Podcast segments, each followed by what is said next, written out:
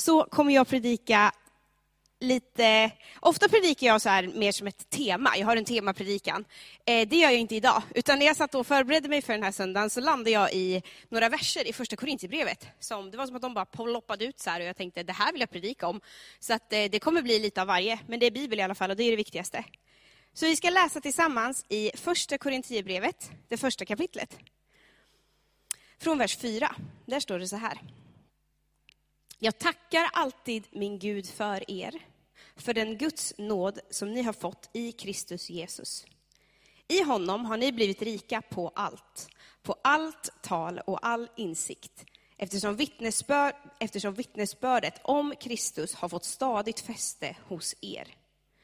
Därför saknar inte ni någon nådegåva medan ni väntar på, vår Herre Jesu Christ, på att vår Herre Jesu Kristus ska uppenbaras. Han ska också styrka er ända till slutet, så att ni inte kan anklagas på vår Herre Jesu Kristi dag. Gud är trofast, som har kallat er till gemenskap med sin son Jesus Kristus, vår Herre. Vi ber tillsammans. Herre, jag tackar dig för ditt levande ord. Och jag ber att det verkligen skulle få vara levande nu. Jag ber att det här inte ska vara vad, vad jag tycker, vad jag tänker och vad jag vill säga, utan Gud, låt ditt ord komma till liv i våra liv. Jag vill vara ditt stuprör idag, Herre. Du vet exakt vilka som är med oss nu, vilka som tittar och vad var och en behöver. Och tack för att du är så, så stor så att du kan tala till var och en. Tack för att du har ett ärende till var och en idag, Gud. Och låt, låt ditt ord få landa i våra hjärtan. Gör oss lyhörda, gör oss öppna, villiga för vad du vill säga. Eh, så att vi kan vara de du vill att vi ska vara, så att vi kan lära känna dig lite bättre. Låt oss förstå lite mer av vem du är och vad du vill för våra liv den här förmiddagen. I Jesu namn. Amen. Det första Paulus skriver här, det är ju, jag tackar alltid min Gud för er, för den Guds nåd som ni har fått i Kristus Jesus. Alltså, Paulus tackar Gud för att den här församlingen får vara Guds församling. Och jag kan tänka så här, ofta, vad, vad lätt det är att glömma bort att det är sån enorm nåd att vi ens får ha med Gud att göra. Att vi alla får säga, jag tror på Jesus, jag vill ha honom som Herre och Mästare i mitt liv. Och att jag då också som en direkt följd av det får vara med i en församling. Det är någonting som vi alltid kan tacka Gud för, precis som Paulus gjorde. För det är alltid Guds nåd att du och jag får vara med att vi får tillhöra honom och att vi får vara med i en församling. Och det är lätt att tänka, ja men det finns, jag liksom, jag, eller lätt att tänka, men ibland tror jag man kan tänka, men min församling är inte perfekt. Nej, men om du letar efter en perfekt församling, då kommer du aldrig hitta den, för det finns inte en perfekt församling. För att församlingen består av operfekta människor med en perfekt Gud som har sagt att det kommer funka ändå. Eh, och det är Guds nåd att jag får vara med, och det är lika mycket Guds nåd att du får vara med. Så låt oss tacka Gud för församlingen. Låt oss tacka Gud för att vi får vara med, tillhöra honom och vara en del av hans levande församling, precis som Paulus uppmanade dem i Korint att göra. Jag känner själv att jag glömmer bort det ofta. Han går vidare, Paulus, med att säga, i honom, alltså i Jesus, har ni blivit rika på allt.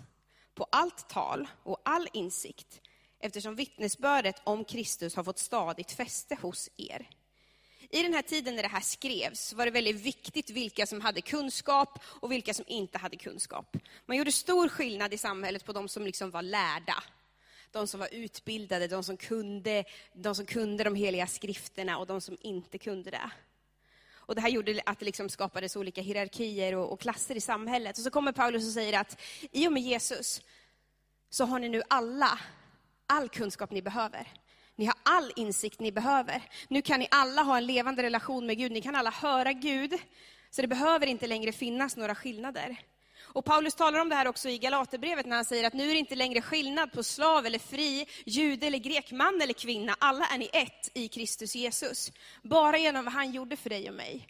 Gnosticismen var en lära som i den här tiden hade fått väldigt, väldigt stadigt fäste. Och där liksom, den byggde på det här att du behövde få kunskap för att bli frälst i, i väldigt korta och enkla drag egentligen. Men Paulus tar liksom stånd emot det och säger att det är inte kunskapen, det är inte, det är inte vad som händer i huvudet som är det viktiga. Det är viktigt att förstå. Men det är vad som sker i hjärtat det handlar om. Det är en relation med Gud själv, där Gud har tagit steget och sträckt ut handen till varje människa som vill ha med honom att göra. Och vi har ju så lätt i vårt samhälle idag fortfarande att dela upp oss i olika klasser. Klasser, olika liksom grupper av olika slag. Vi ser den rörelse som, som rör sig i, vårt, i vår värld idag, där vi delar upp människor i olika, olika färger. Alltså, Guds rike är så mycket större än det där. Guds rike är över det där. Vi är ett. Oavsett var vi kommer ifrån, oavsett vad vi har varit med om, vad vi kommer vara med om, oavsett om man är, vilket land man är född i, vilken etnicitet man har, allt det där. I Jesus Kristus är det inte längre någon skillnad. Jag tror att vi som kyrka har en jätteviktig liksom, röst att faktiskt göra hörd här. Att visa att Guds rike går över allt det där. Först och främst så är vi Guds barn. Före allting annat så är vi Guds barn, vi tillhör honom. Jag är där före att jag är svensk. Jag är Guds barn före att jag är kvinna. Jag är Guds barn före att jag är pastor. Före alla andra titlar som någon kan sätta på mig, så är jag Guds barn. Och det är du också. Och det förenar oss alla i ett. Precis som det gjorde på den här tiden när Paulus skrev det här till dem i Korint. Paulus säger att därför saknar ni inte någon nådegåva, medan ni väntar på vår Herre Jesu Kristus, på att vår Herre Jesus Kristus ska uppenbaras. Alltså vad är det Paulus egentligen säger här? Han säger att i Jesus så har de blivit rika på allt. All kunskap de behöver har de fått i Jesus. Och därför så saknar de inte längre någon nådegåva.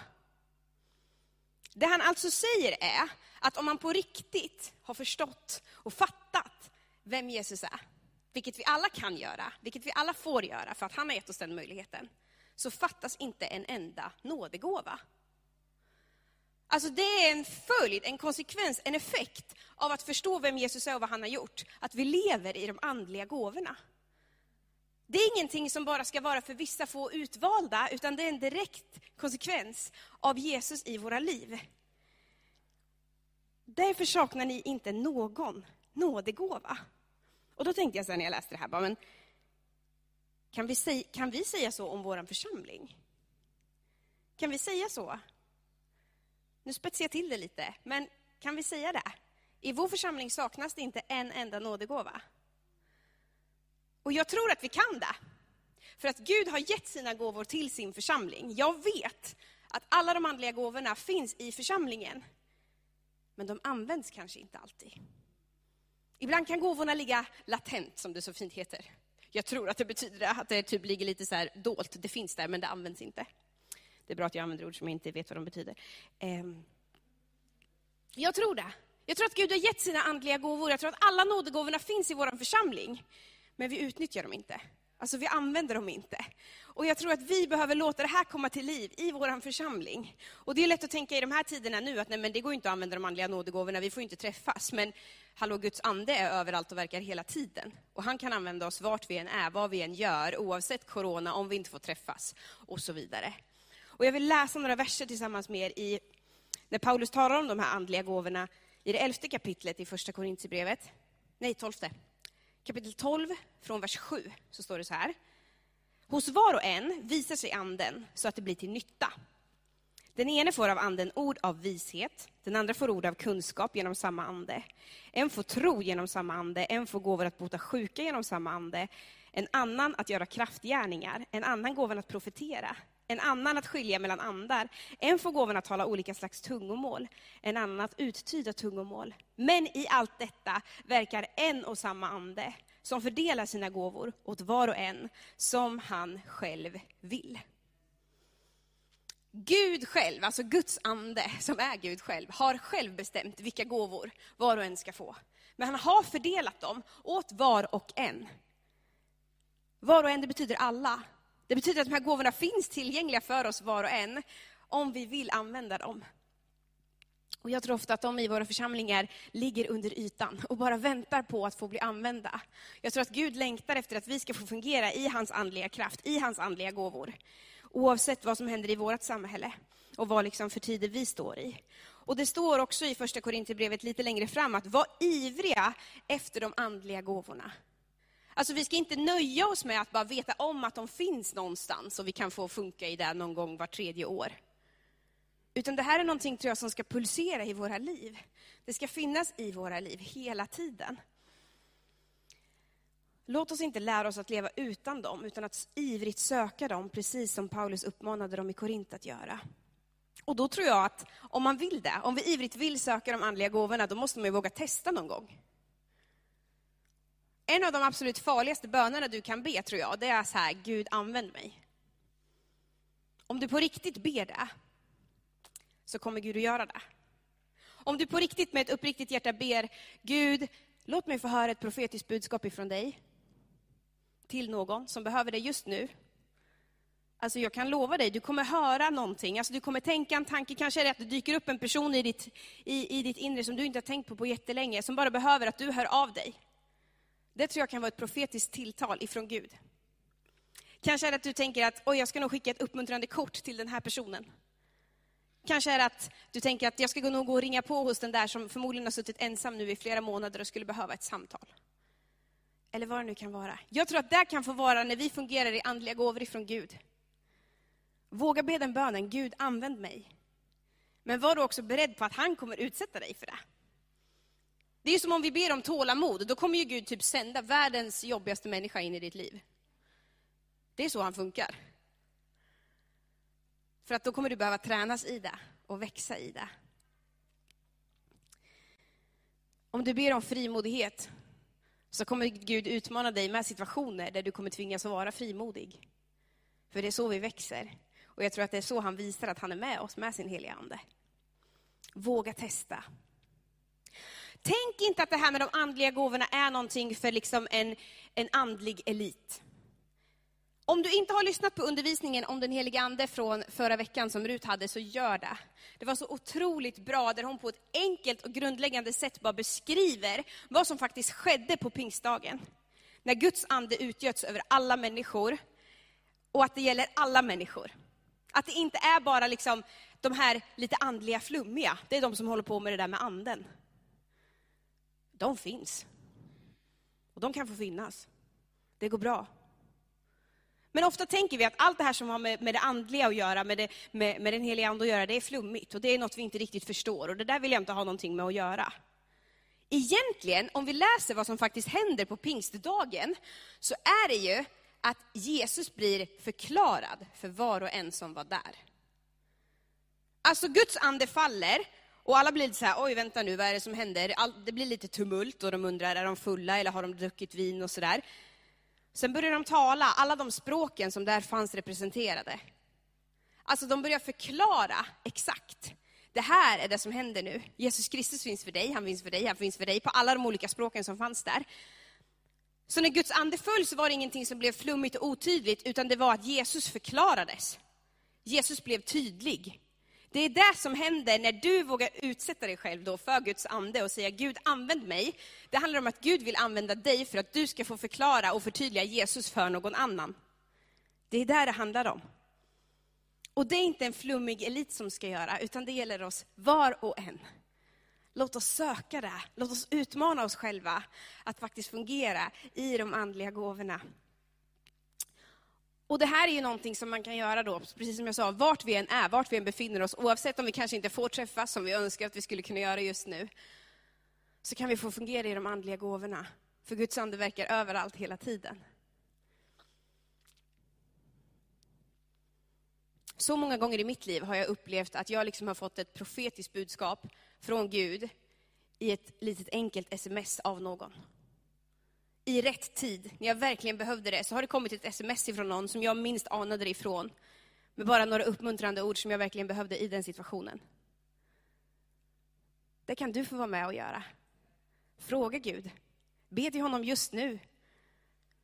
Säg Gud, idag, vad vill du att jag ska göra idag?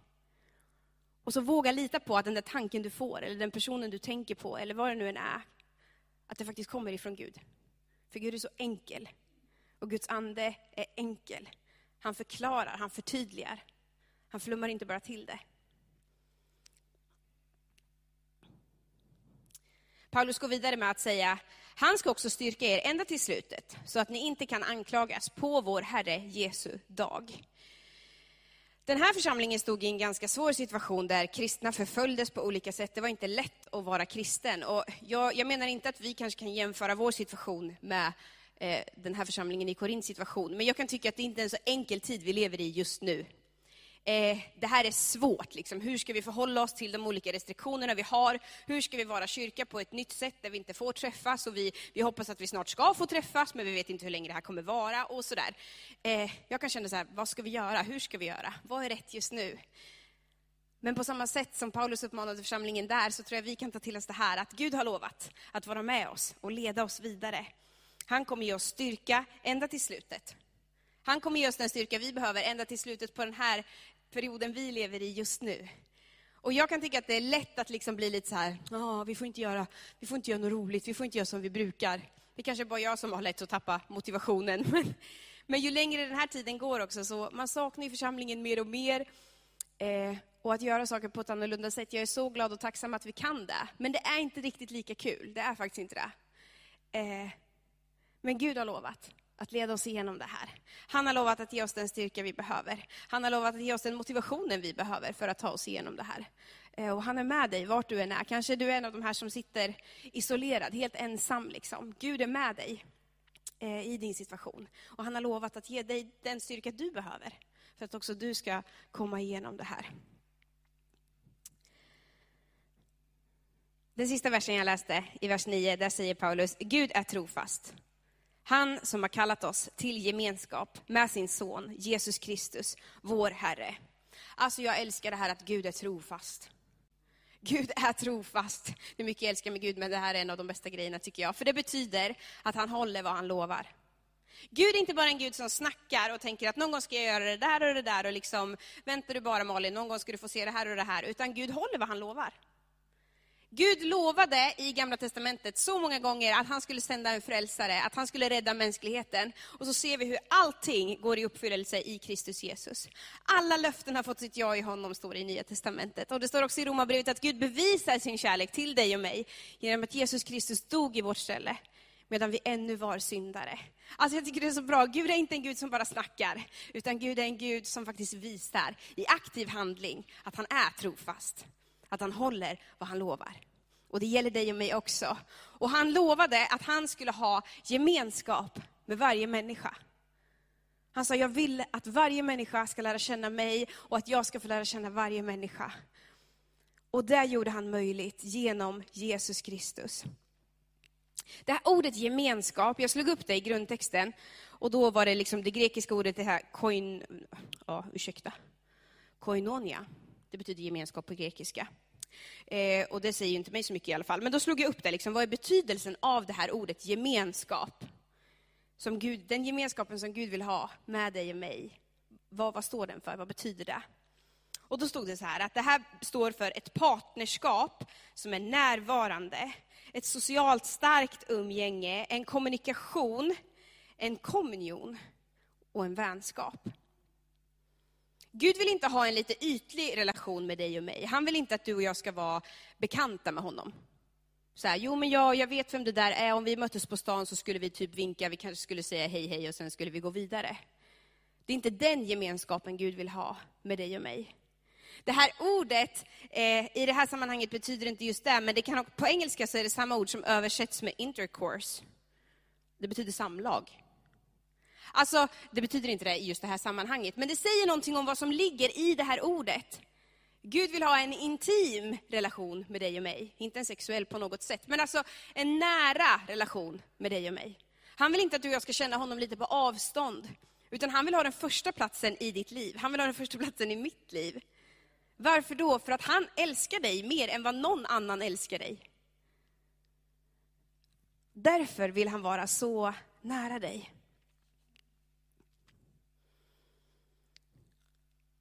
Och Gud vet, han vet alltid hur du mår. Han vet alltid vad du står i, han vet alltid vad du tänker. Han vet vad som gör dig glad, han vet vad som gör dig ledsen, för han känner dig som ingen annan. För han själv har skapat dig. Och jag tycker det är så häftigt att tänka att allt det som liksom finns i mig av egenskaper och talanger och sådär, det har Gud lagt ner där. Och på samma sak är det med dig. Det som gör dig glad, din humor, din personlighet, det är liksom, Gud har designat det. Du är inte en slump, utan Gud plockade ihop dig. Gjorde dig som du skulle vara. Och han älskar dig så enormt mycket och därför så vill han ha en stor plats i ditt liv. Tänk dig själv att den, tänk på den personen du älskar mest i hela den här världen. Och så tänker du att du liksom inte fick vara med den personen. Eller inte fick lära känna den personen. Eller att den personen aldrig prioriterade dig. Hur skulle det kännas? Det är klart att de vi älskar mest av allt vill vi vara med. De vill vi spendera tid med. Och vi vill också göra saker för dem vi älskar, eller hur? Så är det. Och det kan till och med vara så att man kan göra saker som man själv inte tycker är kul för någon man älskar. Det är ännu mer så när man är nykär. Jag gjorde mer, mer tråkiga grejer med Gabriel när vi precis hade träffats än vad jag gör nu. Det säger något om min karaktär kanske. Men, men, men det är så här, jag tycker att kaviar är en av de äckligaste sakerna som finns. Och jag tycker att Gabriel luktar så enormt äckligt när han har ätit kaviar. Men jag gör kaviarmacka till Gabriel på sängen varje morgon när vi har ledig morgon tillsammans. För att jag vet hur glad han blir. Och för att det är ett sätt för mig att visa kärlek till honom. Och så här tror jag Gud funkar med dig och mig också. Alltså han vet vad som gör dig glad. Om det är en kaviarmacka som gör dig glad, då vill han att du ska få din kaviarmacka. Eller vad det nu kan vara. Eh, för Gud är en nära och personlig Gud. Som vet vad vi mår bra och vet vad vi trivs med helt enkelt. Relationen och gemenskapen med Gud, det är, liksom, det är det viktigaste i vårt liv tror jag. Och det häftiga med den är att den har alltid effekter ut till hur vi lever mot andra människor. Det är liksom alltid två steg i den. Gemenskapen med Gud betyder alltid gemenskap med andra. Guds kärlek driver oss att älska andra människor. Att vara kristen är aldrig en one man show, det är aldrig en soloakt på något sätt. Då är det någonting som inte riktigt stämmer. Utan kärleken driver mig alltid vidare att göra någonting för andra människor i min omgivning. Vi ska läsa tillsammans i första Johannesbrevet, det fjärde kapitlet. Från vers 19. Där står det så här, vi älskar därför att han först har älskat oss.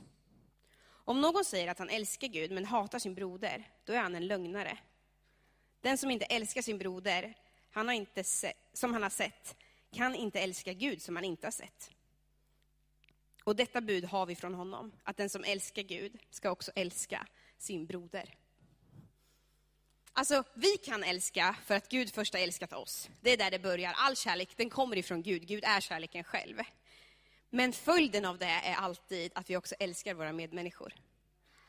Det är liksom en, en direkt effekt av det i våra liv.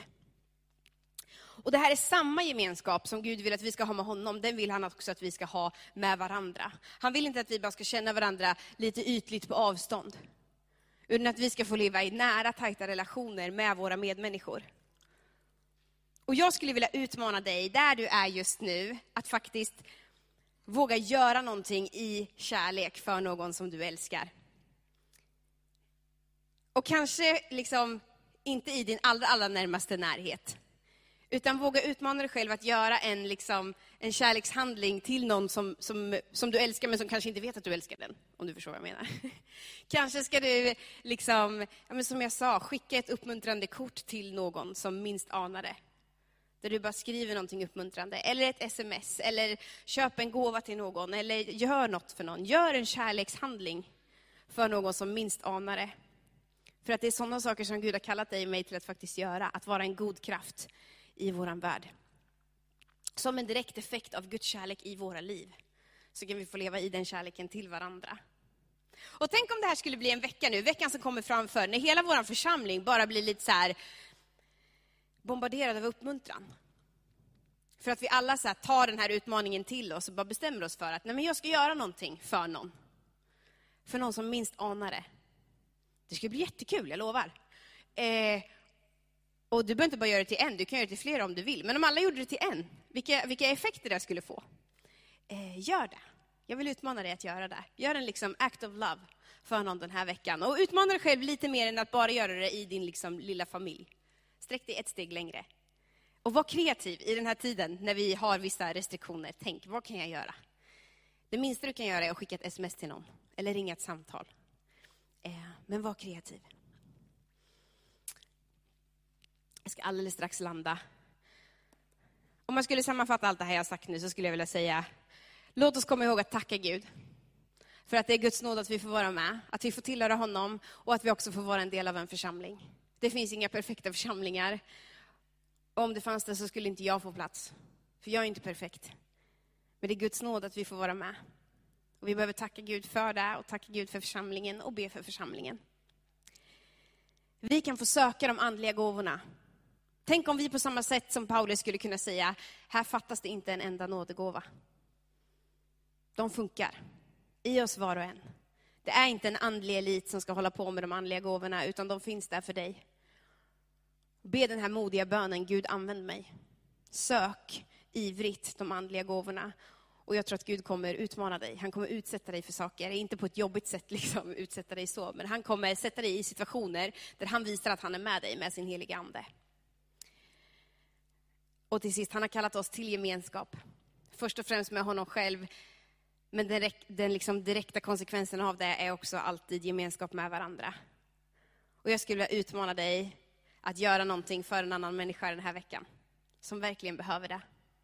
Skicka någonting uppmuntrande, säg någonting, gör någonting. Gör en, en, en kärlekshandling den här veckan, för att det har Jesus kallat dig och mig till. Vi ska alldeles strax fira nattvard tillsammans, men vi ber först. Herre, jag tackar dig för, för ditt levande ord. Och Gud, nu tackar jag dig för, för var och en som har lyssnat på det här. Gud, jag ber att du ska liksom med din heliga Ande nu bara sortera och lägga rätt och rensa. Och jag ber att det som verkligen skulle landa i varje hjärta, i varje individs hjärta, ska få göra det. Att det bara ska få fastna och få stadigt fäste, Herre. Tack att du fortsätter verka i den här gudstjänsten och jag tackar dig för att vi nu ska få fira nattvard tillsammans. Eh, för att du gav allt för våran skull, Herre. Välsigna den här stunden i Jesu namn.